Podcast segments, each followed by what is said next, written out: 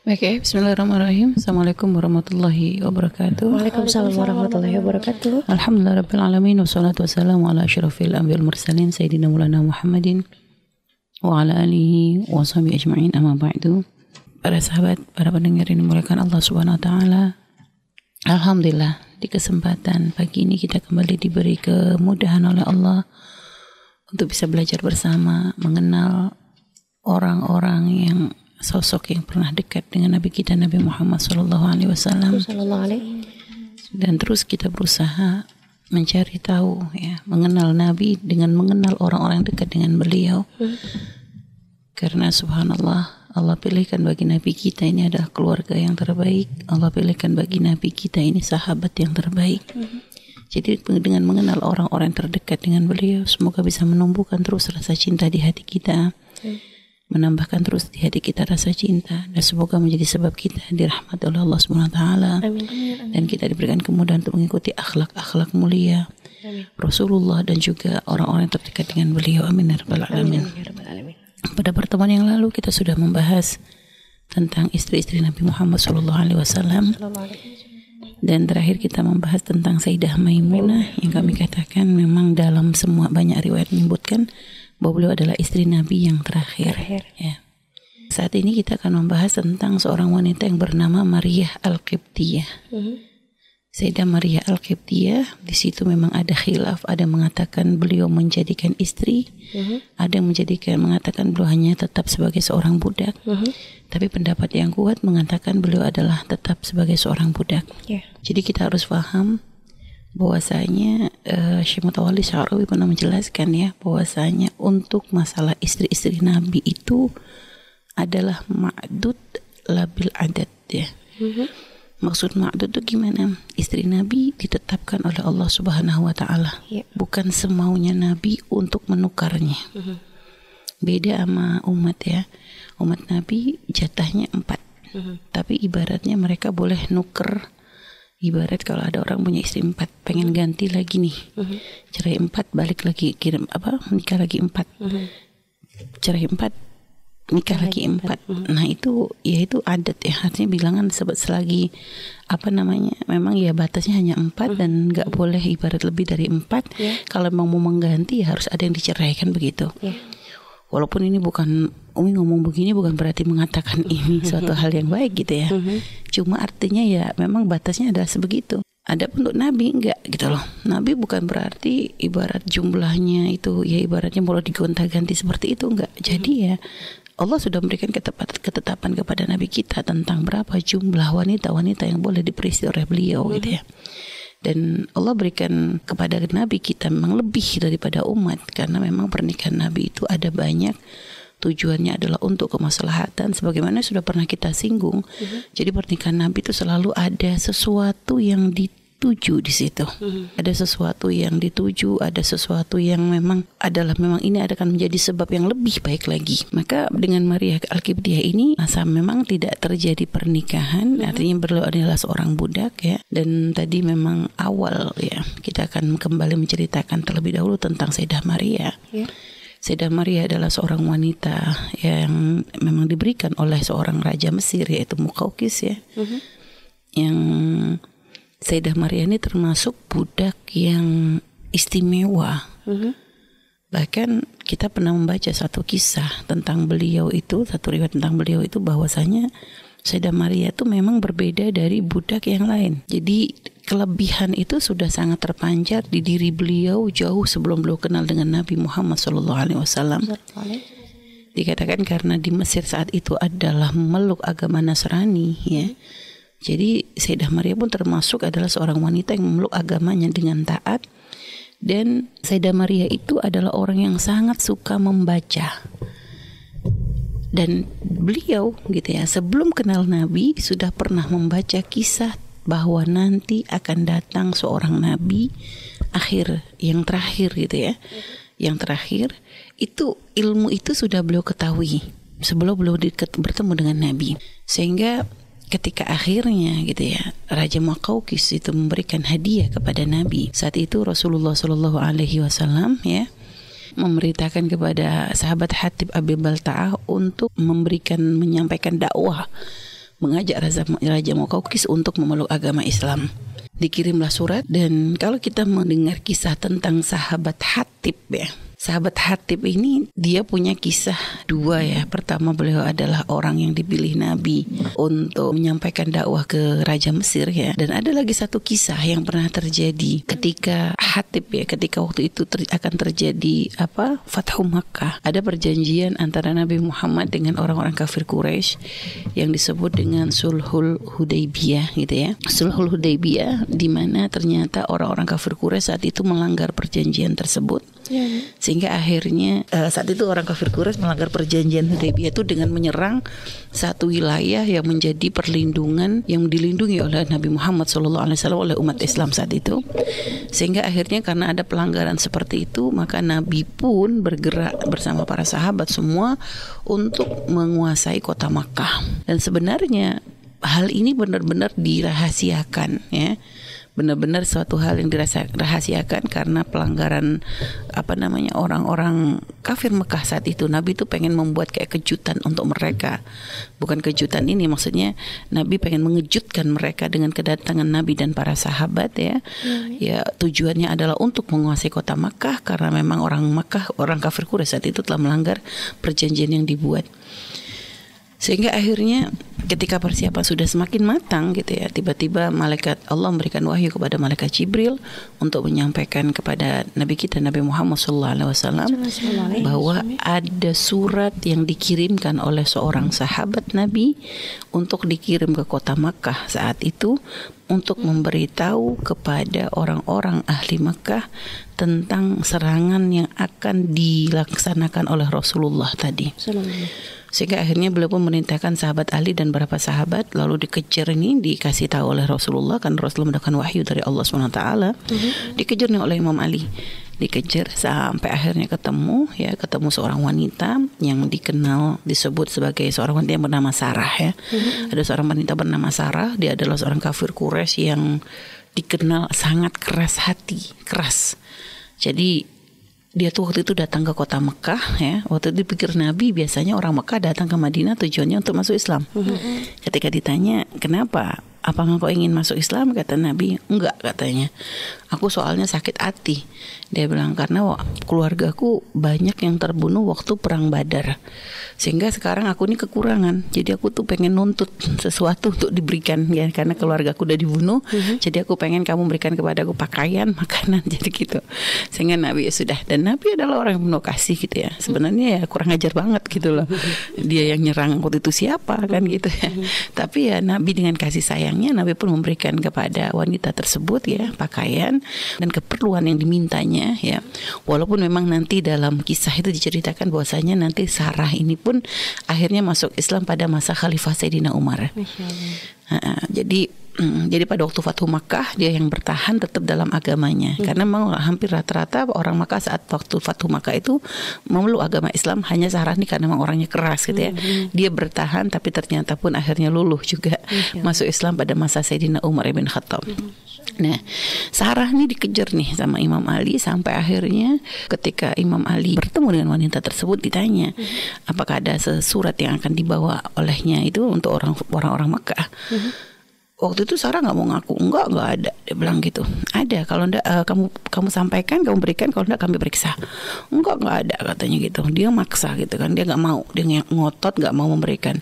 Sampai akhirnya ya Imam Ali memang sudah diberitahu oleh Nabi bahwa surat itu disembunyikan di satu tempat ya. Mm yang sebenarnya Imam Ali kalau masih dia mau memberikan Imam Ali nggak akan memaksa. Mm hanya permasalahannya dia tidak mau menyerahkan. Sehingga akhirnya pun Imam Ali memang ada yang mengatakan bahwa dia memberikan karena udah terdesak banget tapi ada yang mengatakan sampai digeledah. Hmm. Dan ternyata memang surat itu disembunyikan di rambut beliau, hmm, di rambutnya. Jadi disembunyikan di gulungan rambut begitu hmm. supaya benar-benar nggak ketahuan gitu ya. Hmm. Jadi akhirnya pun karena memang Allah memberikan memberitahu kepada Nabi kita, ya lalu disampaikan oleh pada Imam Ali oleh Rasulullah, hmm. sehingga akhirnya surat itu ditemukan lalu ditanya siapa yang memberikan surat ini, hmm. lalu beliau uh, lalu si Sarah tadi ini menyebutkan bahwa surat itu dari seorang sahabat yang bernama Hatib ibn Abi Balta'ah. Hmm. Saat itu para sahabat sok ya, kaget karena sahabat Hatib ibn Abi Balta'ah ini termasuk sahabat muhajir, mm-hmm. orang yang termasuk min akabir sahabat, sahabat yang bagus agamanya. Ya, bahkan ya sehingga akhirnya ketika sahabat Hatib ini dibawa ke hadapan Rasulullah sallallahu alaihi wasallam, Nabi pun bertanya, "Wahai Hatib, ada apa? Kenapa denganmu? Kenapa kau sampai melakukan perbuatan seperti itu?" Kata kata Hatib saat itu Hatib merasa sangat ketakutan, sangat merasa uh, apa ya kan merasa bersalah. Hmm. Lalu beliau betul berkata ya Rasulullah demi Allah, aku melakukan ini bukan karena aku ingin berkhianat kepadamu, aku melakukan ini bukan karena aku telah murtad ya Rasulullah. Hmm. Hanya aku ini adalah orang yang berhijrah dari kota Mekah ke kota Madinah. Aku punya keluarga yang aku tinggal dan para sahabat pun banyak yang seperti itu mereka hijrah dari Mekah ke menuju Madinah akan tetapi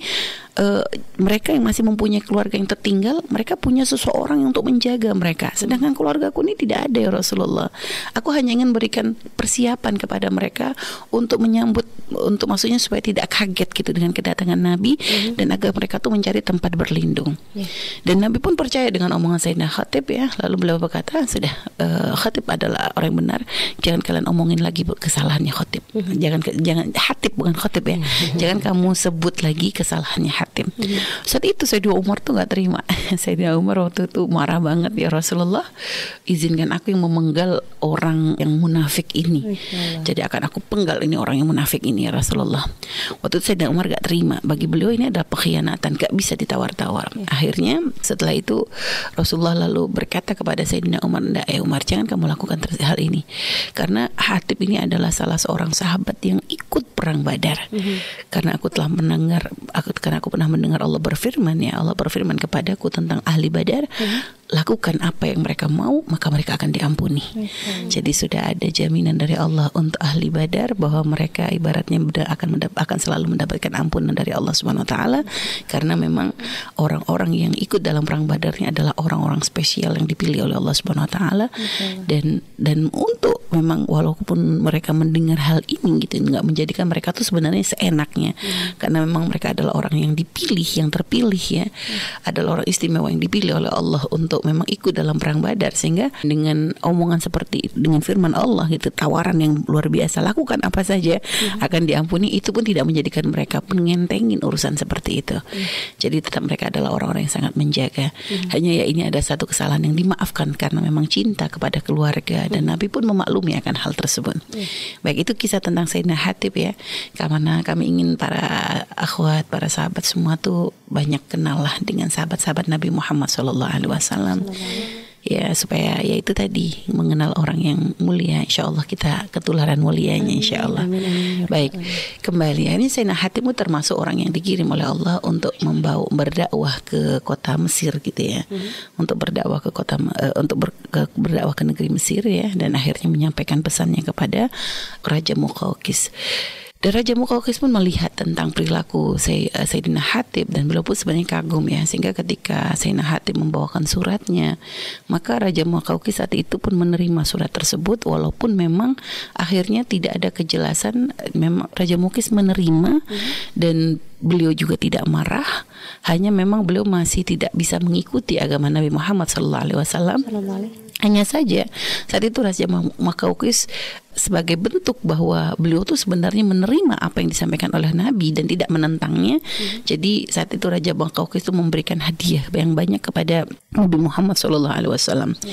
Beliau saat itu memberikan dua orang budak dan bahkan beliau mengatakan ya, Raja Makaukis tadi mengatakan bahwa ini dua budak yang sangat istimewa yang dimiliki oleh oleh Raja Makaukis. Jadi ini bukan budak sembarangan. Hmm budak tapi pun benar-benar yang budak yang luar biasa banget ya itu ya memang yang terpilih yang terbaik gitu ya yaitu Sayyidah Maria al ya dan saudaranya saudarinya bernama Sayyidah Sirin ya hmm. Sayyidah Maria Kibia dan Sayyidah Sirin karena memang ya tadi seperti disampaikan ya karena walaupun Sayyidah Maria ini memang dari latar belakang mempunyai latar belakang itu sebagai seorang wanita yang memang gemar dengan ilmu pengetahuan hmm. sehingga perilakunya memang sangat-sangat berbeda dan juga Raja Mokokis tidak hanya memberikan dua budak saja kepada Nabi, akan dia juga dua budak ini pun dikawal ya hmm. oleh seorang laki-laki yang bernama Makbur ya, seorang budak juga budak laki-laki yang sudah dikebiri ya, hmm. yang bernama Makbur itu pun diberikan kepada Nabi sebagai budaknya. Hmm. Setelah itu juga diberikan seribu miskol zahab ya,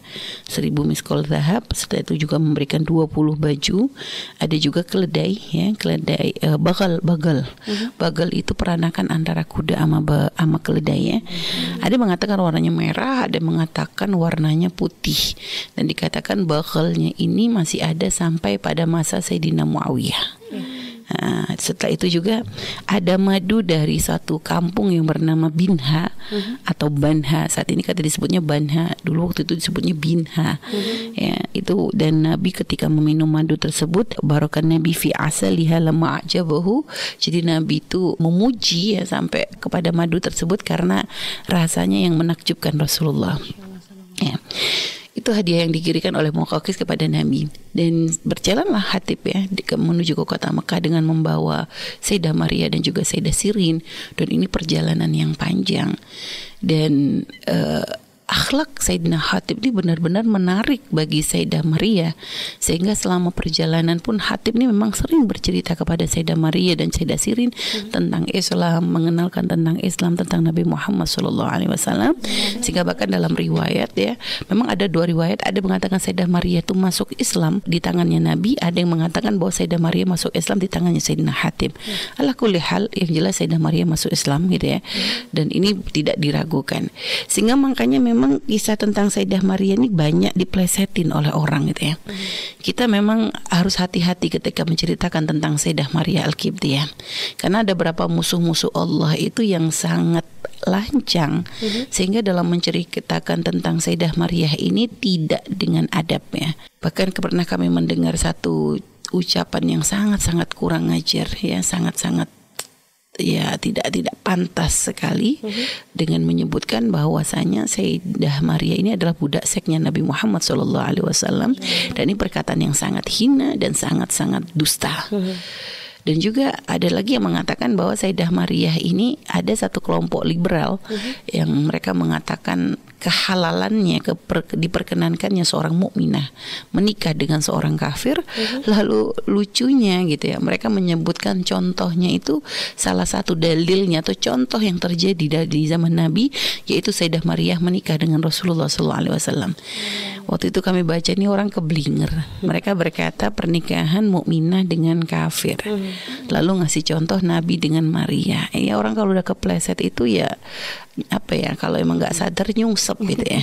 Artinya secara ini aja lucu gitu ya lucu banget. Kalau memang Sayyidah Maria pun memang misalnya nggak masuk Islam ini nggak bisa dijadiin contoh. Yang muslim siapa yang kafir siapa? Mereka kan mengatakan muslimah dengan dengan kafir. Kalau muslim dengan kafir memang dalam syariat itu diperkenankan jika memang ternyata dia adalah seorang kafir yang memang uh, ahli kitab ya ahli kitab. Bukan uh, jadi bukan hanya bukan kafir saya ahli kitab. Harus ahli. Dan ini Sayyidah Maria termasuk min ahli kitab gitu. Jadi nggak ketemu judulnya gitu ya, nggak ketemu judulnya. Sayyidah Maria dan dan ternyata pun dalam kisah ini Sayyidah Maria memeluk agama Islam dan bagus dalam beragama. Hmm. Jadi nggak nggak nggak masuk akal banget kalau mereka menjadikan itu kisah-kisah Sayyidah Maria sebagai dalil untuk mengatakan diperkenankannya seorang muslimah menikah dengan orang kafir itu ya. Hmm. Baik. Jadi ini sehingga akhirnya memang dibawa ya oleh Sayyidina Hatib dengan dengan dengan penuh hormat ya dihormati oleh Sayyidina Hatib ya. Karena ini adalah titipan untuk nabinya maka Sayyidina Hatib pun benar-benar menjaga. Lalu pun menitipkan tentang Islam sehingga akhirnya Sayyidina Maria pun semakin tertarik dan bersyahadat perjalanan yang panjang dari Mesir menuju kota Madinah. Jadi bukan kayak sekarang ya. Kalau sekarang orang kalau perjalanan panjang ya pakai baju ini pun ya ibaratnya ya tetap bisa keren juga gitu ya. Nggak ada yang berubah. Tapi untuk zaman dulu subhanallah ini perjalanan yang harus ditempuh selama berhari-hari mungkin bisa berbulan kan begitu apalagi seorang wanita.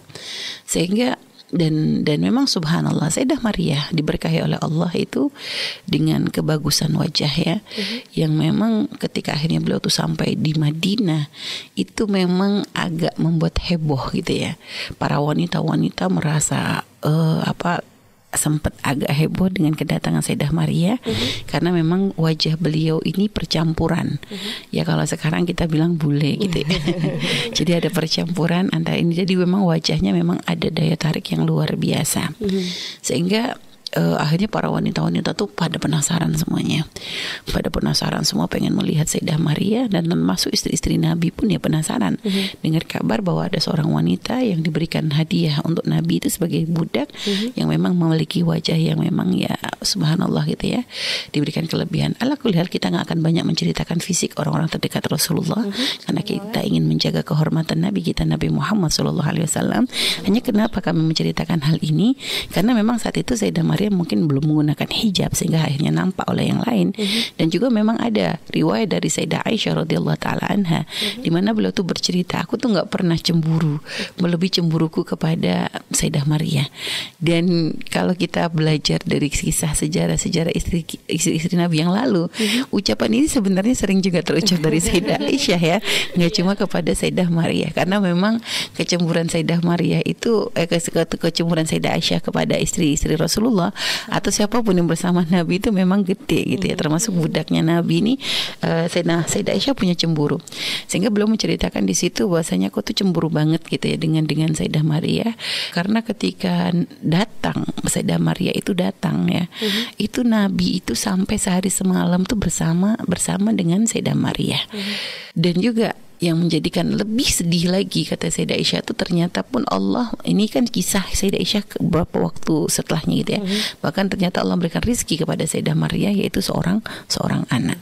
Ini menjadi sesuatu yang sangat ya menjadikan Sayyidah Aisyah pun merasa sedih. Mm-hmm. Akan tetapi gitu ya, kita harus bijak ya ketika kita membaca satu riwayat. Artinya jangan langsung mengambil kesimpulan dengan akal kita yang pendek. Mm-hmm. Ketika kita mendengar bahwasanya Rasulullah waktu itu sampai jadi waktu itu kata Sayyidah Aisyah itu digambarkan tuh kayak Nabi tuh kayak lupa gitu ya dengan yang lainnya karena beliau saking terpukaunya dengan Sayyidah Maria Al-Qibtiyah. Mm-hmm. Kita harus paham ini ucapan yang disampaikan oleh seorang wanita yang cemburu. Bukan kami mengatakan ibunda kita ini adalah orang yang berdusta, enggak. Tapi memang ya waktu itu beliau cemburu gitu ya. Yeah. Melihat hal-hal seperti itu dan bukan berarti ini menunjukkan bahwasanya Nabi ini memang gak kuat lihat perempuan cantik naudzubillah. Jangan sampai karena memang ada sebagian orang tuh memandang picik Nabi gara-gara kisah dengan Sayyidah Maria nih. Hmm. Kayak bener-bener Nabi itu demen banget nih sama si sama budak ini gitu. Enggak ini ini bahasa yang sangat-sangat kurang ajar banget gitu. Ya. Makanya memang kami hati-hati banget gitu ya Kak, untuk menceritakan hal ini. Kita nggak pengen sampai nanti masuk bab sul adab kepada Nabi kita Nabi Muhammad Shallallahu Alaihi Wasallam. Jadi Nabi memang terpukau saat itu gitu ya. Tapi pun gitu ya, ketika Nabi memang sampai ibaratnya duduk lama dengan Sayyidah Maria, kita jangan langsung berpikir bahwa ini mohon maaf hanya sekedar urusan untuk memenuhi syahwat dan sebagainya enggak. Kita harus berpikir bahwa beliau adalah seorang wanita yang awalnya adalah beragama Nasrani. Lalu setelah itu dia memeluk agama Islam. Lalu setelah itu dia menempuh perjalanan ya. Ada perjalanan ada banyak alasan gitu ya. Ada perjalanan yang ditempuh yang sangat jauh. Dan ini negara yang asing baginya. Sehingga Nabi mungkin ya ingin memberikan rahmat Rasulullah kepada beliau gitu ya. Nabi ingin mengangkat memberikan ketenangan di hati Sayyidah Maria, hmm. ingin memberikan penghiburan kepada Sayyidah Maria kan gitu. Sehingga Nabi pun menemani beliau. Ya, ini tujuannya itu tadi karena memang ada adalah orang asing datang ke negara yang asing ya. Setelah itu baru masuk Islam dan harus menghadapi tradisi yang mungkin berbeda dengan yang selama ini. Dia tahu dia kenal gitu ya. Sehingga kan benar-benar dan apalagi dengan posisi sebagai seorang budak yang mereka dia tidak punya kebebasan dan sebagainya. Sehingga ya Nabi tentu memberikan perhatian lebih kepada beliau. Yeah. nah ini yang harus kita pahami nah terus adapun untuk saudarinya saudari beliau yang bernama Sirin ya mm -hmm. Nabi pun memberikan kepada Sayyidina Hasan ibn Thabit ya. Memberikan kepada Sayyidina Hasan ibn Thabit. Lalu akhirnya pun dari hubungan Sayyidina Hasan dengan Sirin ini kami nggak tahu apakah Sayyidina Sayyidah Sirin ini dinikahi atau hanya sekedar menjadi budak. Yang jelas memang e, dikatakan bahwa punya anak yang bernama Abdurrahman. Jadi ada anak yang terlahir dari Sayyidah Sirin ini dengan Sayyidina Hasan itu diberi nama Abdurrahman. Baik adapun untuk Sayyidah Maria memang dipegang oleh Nabi Muhammad Shallallahu Alaihi Wasallam dan akhirnya Nabi memang merasa saat itu kalau Sayyidah Maria tetap berada di kota Madinah berkumpul bersama istri Nabi ini nggak akan baik untuk semuanya. Sehingga Nabi pun memindahkan Sayyidah Maria itu ke satu tempat yang bernama Aliyah. Itu kurang lebih sekitar 3 mil dari kota Madinah. 3 mil itu berapa kilo ya kira-kira? Hitung-hitung sendiri deh ya.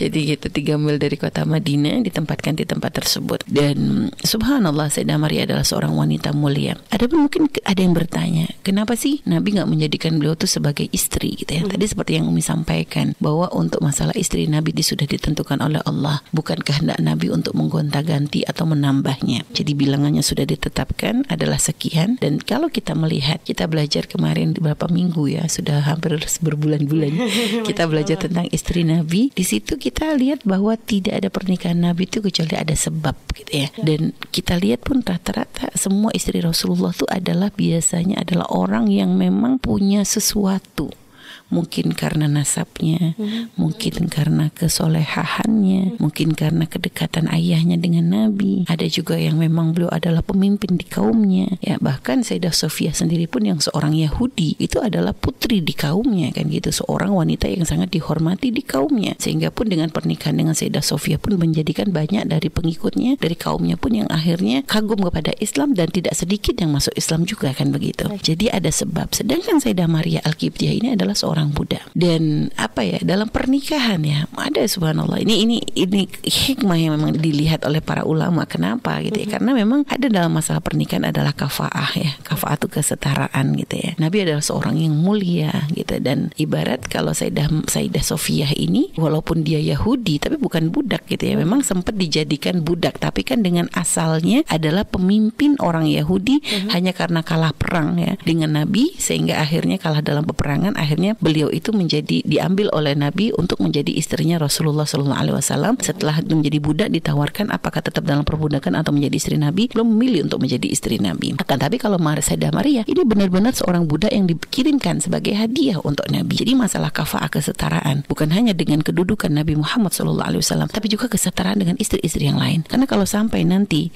ibarat dengan kondisi Sayyidah Sofia yang seperti itu saja, pernah kan kita cerita bagaimana para nabi itu para istri Rasulullah tuh sampai agak memandang agak gitu ya. Sampai bahkan termasuk Sayyidah Zainab binti Jahash ini menyebutkan oh itu kan hanya seorang wanita Yahudi hmm. dengan bahasa yang kasar. Sampai akhirnya oleh Nabi nggak disapa kan sampai berapa bulan. Uh, sampai dihajar oleh Rasulullah itu dihajar bukan dihajar ya. Jangan sampai salah dengar Nabi nggak pernah menghajar. Hajar hajar itu ditinggalkan tidak didekati tempat tidurnya. Jadi dipisah dalam ranjang urusan ranjang begitu. Jadi sampai dihajar oleh Nabi itu sampai berapa bulan sampai Siti Sayyidah Zainab tuh merasa putus asa merasa sedih-sedih banget gitu ya. Nah ini. Akhirnya dari sini kita tahu bahwa kalau sampai Nabi menjadikan Sayyidah Maria menjadi istri, maka bukan menjadi suatu kemaslahatan. Dan juga Nabi kita adalah orang yang mengajarkan syariat, sehingga apa yang dilakukan oleh Rasulullah ini menjadi satu satu hukum gitu ya, bahwa memang dalam masalah perbudakan, bahwa itu menjadi suatu hal yang diperkenankan untuk digauli ya, apalagi sampai ketika menjadi anak dan memang dalam syariat Islam gitu ya, ketika ada budak gitu, itu diperkenankan bagi tuannya untuk menggauli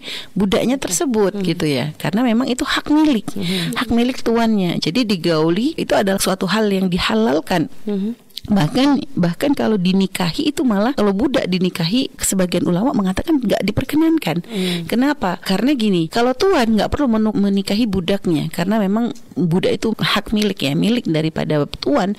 Sehingga ketika digauli diperkenankan dan nanti kalau ternyata dari setelah digauli nanti terlahir anak maka si anak dari hubungan tuan dan budak tadi menjadi anak yang merdeka. Karena anak ini menjadi anak yang merdeka maka nanti secara otomatis umul walad hmm. ibu dari si anak tadi pun nanti akan sangat mungkin dimerdekakan oleh putranya. Karena nggak akan ada putra yang rela ibunya tetap menjadi budak di saat dia menjadi tuan kan begitu? Jadi begitu. Jadi secara otomatis akan menjadi seperti itu. Tapi kalau dinikahi misal ada seorang laki-laki Abdurrahman misalnya ya Abdurrahman punya budak. Hmm. punya budak bernama Siti anggap aja sudah. Ada seorang laki-laki lagi namanya Abdullah. Hmm. dia senang sama budaknya si Abdurrahman. Hmm. lalu dia pengen menikahi budaknya Abdurrahman tadi. Hmm ya setelah menikahi budak yang beraman punya anak maka si anak hubungan Abdullah dengan si Siti tadi mm -hmm. ini bukan malah merdeka, malah nanti jadi budak lagi. Mm-hmm. Itu. Karena posisi siapa? Posisi si namanya Siti tadi ini adalah budaknya Abdurrahman. Jadi anaknya pun menjadi miliknya Abdurrahman, jadi mm-hmm. budak lagi. Sehingga makanya para ulama sebagian ada yang mengharamkan pernikahan antara seorang dengan budak itu tadi. Jadi kalau mau menikah merdekain dulu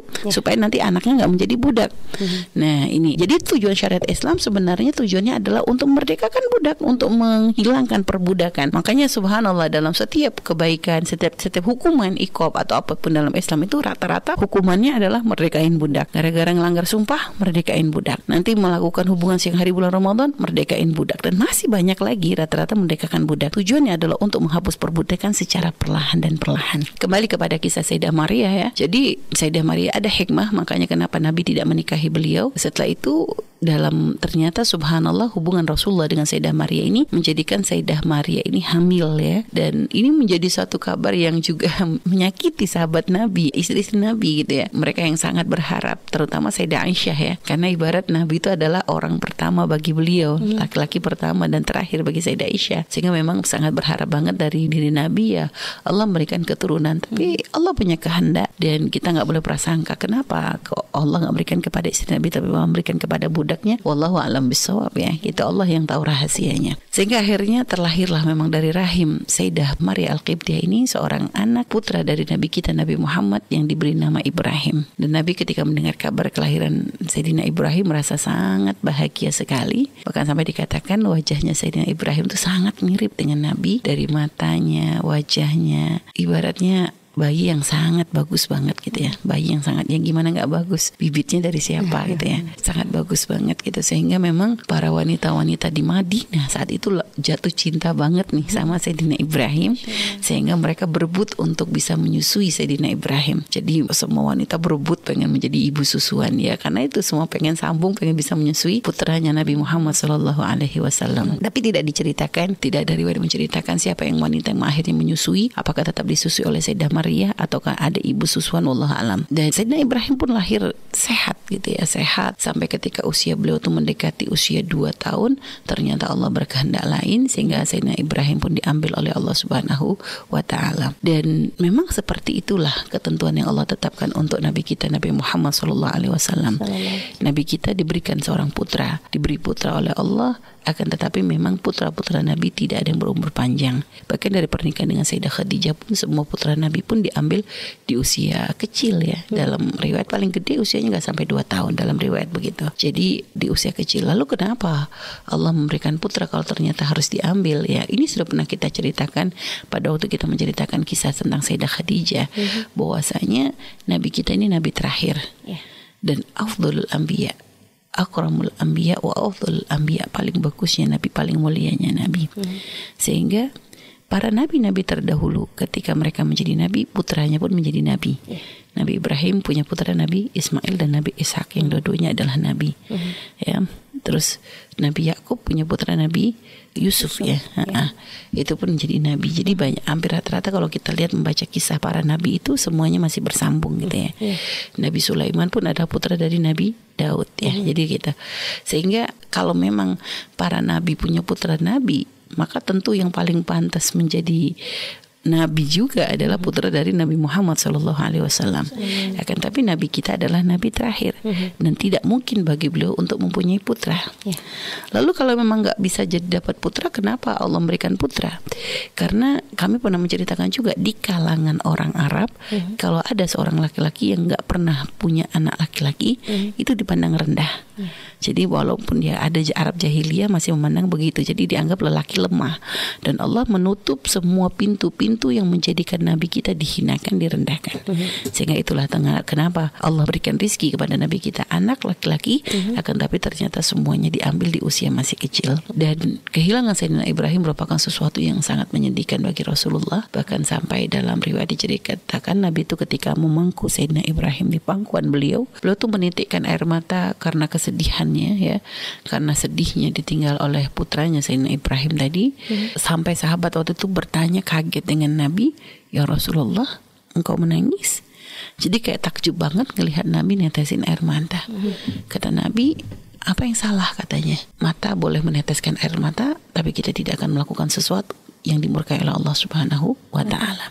Sehingga dari sini kita belajar bahwa menangisi orang yang meninggalkan kita itu adalah suatu hal yang diperkenankan. Yeah. Jadi ada sebagian orang ya tradisi yang berapa kali juga kami temui di di Cirebon khususnya. Umi tahunya di Cirebon soalnya waktu itu. Pertama kali Umi melihat ada orang meninggal itu ya dulu-dulu belum pernah tahu gitu ya. Baru ngalami waktu di Cirebon gitu kan. Katanya keluarganya waktu itu pengen meluk pengen nangis gitu. Nangis pengen apa sambil meluk gitu ditarik ini sama keluarganya. Nggak boleh. Nanti kalau air matanya netes kasihan mayatnya disiksa di kuburan. Umi waktu itu tuh bingung ini nih dapat dalil dari mana? gitu ya. Waktu itu cuma Umi waktu itu masih baru. Umi mau ngomong belum berani. Umi belum punya wilayah maksudnya belum ngerti gimana gitu kan. Apa emang kayak gitu? Apa mungkin Umi yang bodoh belum pernah belajar?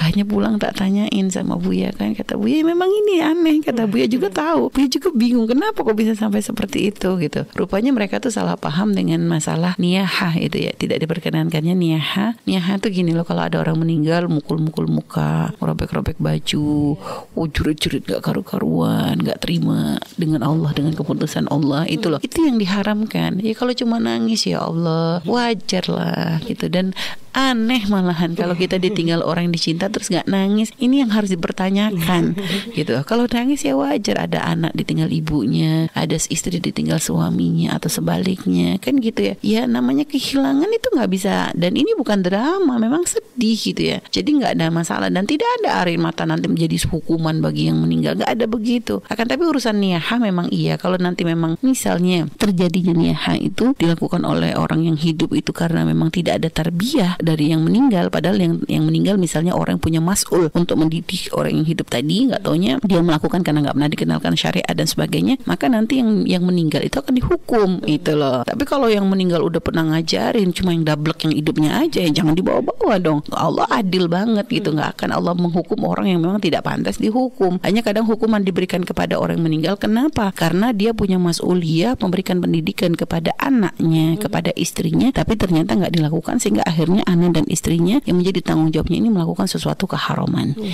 Nah itu tentang masalahnya. Ya, jadi waktu itu Nabi menangis dan Nabi mengatakan seperti itu hat, mata air mata boleh menitik tapi tidak jangan sampai kita melakukan sesuatu yang dimurkai oleh Allah Subhanahu Wa Dan Subhanallah gitu ya bertepatan dengan wafatnya Sayyidina Ibrahim gitu ya. Ternyata waktu itu gerhana matahari tiba-tiba muncul gerhana matahari. Sehingga menjadikan orang-orang tuh heboh. Karena ini kan gerhana matahari jarang. Di kita aja jarang banget gitu ketemunya berapa puluh tahun sekali gitu ya. Itu gerhana matahari itu membuat heboh semua ahli Madinah sampai akhirnya ada rumor ada berita yang disebarkan gitu kan. Mhm. bahwasanya ini gerhana datang dikarenakan meninggalnya Sayyidina Ibrahim. Karena Sayyidina Ibrahim ada putra Nabi sehingga ketika dia meninggal Allah pun menurunkan gerhana matahari. Saat itu subhanallah Nabi kita ini dengar berita tersebut. Wah, Nabi akhirnya klarifikasi karena ini adalah berita hoax gitu ya. ini berita bohong. Jadi Nabi pun mengklarifikasi dengan mengatakan kepada orang-orang Madinah bahwasanya ketika Allah memberikan gerhana matahari dan gerhana bulan ini bukan karena seseorang. Akan tapi ini adalah ketentuan dari Allah Subhanahu wa taala. Jadi kita nggak boleh dan Nabi pengen menepis khurafat keyakinan-keyakinan yang salah. Bahwasanya tidak boleh kita ini ketika terjadi sesuatu yang berkaitan dengan alam mhm. lalu kita mengkaitkannya dengan seseorang. Seperti kejadian yang belum lama ini gitu ya. Ada gunung gunung meletus ya. Pernah disebutkan jadi karena sesuatu apa. Waktu itu sempat gara-gara apa ya corona atau apa katanya ada gunung. Umi pernah sempat dengar berita yang sempat rame waktu itu ya. Gunung meletus atau apa. Udah mending gak usah denger deh.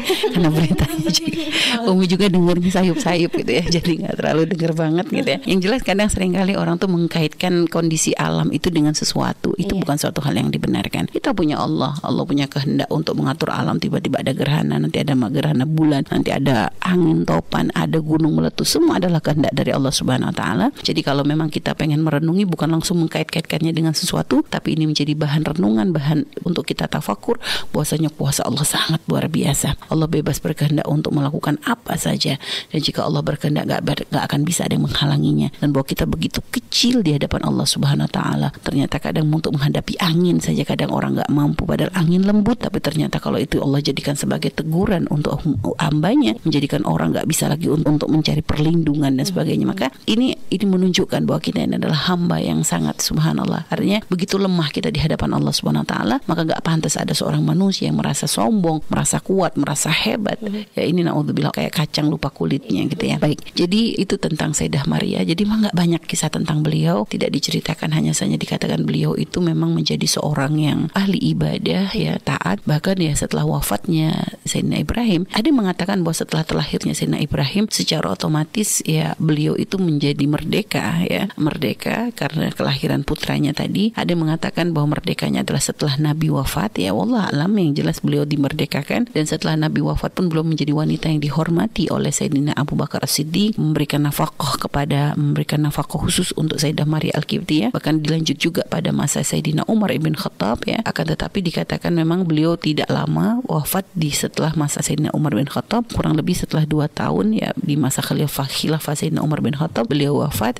Dan akhirnya dimakamkanlah beliau itu di samping putranya Sayyidina Ibrahim di pemakaman Baki ya. Bahkan Sayyidina Umar yang menyolati beliau. Itu jadi menunjukkan bahwa beliau adalah orang wanita mulia yang dimuliakan dan subhanallah beliau adalah orang yang pernah dekat dengan Nabi kita. Hmm. bahkan pernah melahirkan putra dari Nabi kita tercinta. Maka sungguh menjadikan beliau itu adalah suri tauladan bagi para wanita. Dan hendaknya kita memuliakan dan menghormati beliau. Dan tidak pernah menyebutkan tentang beliau itu kecuali hal-hal yang memang untuk yang bisa menjaga kehormatan gitu ya. tidak tidak pernah kita berucap dengan ucapan yang merendahkan Rasulullah dan siapa pun yang berkaitan dengan Nabi kita Nabi Muhammad Shallallahu Alaihi Wasallam. Ini saja semoga apa yang kami sampaikan bermanfaat. Wallahu alam bisawab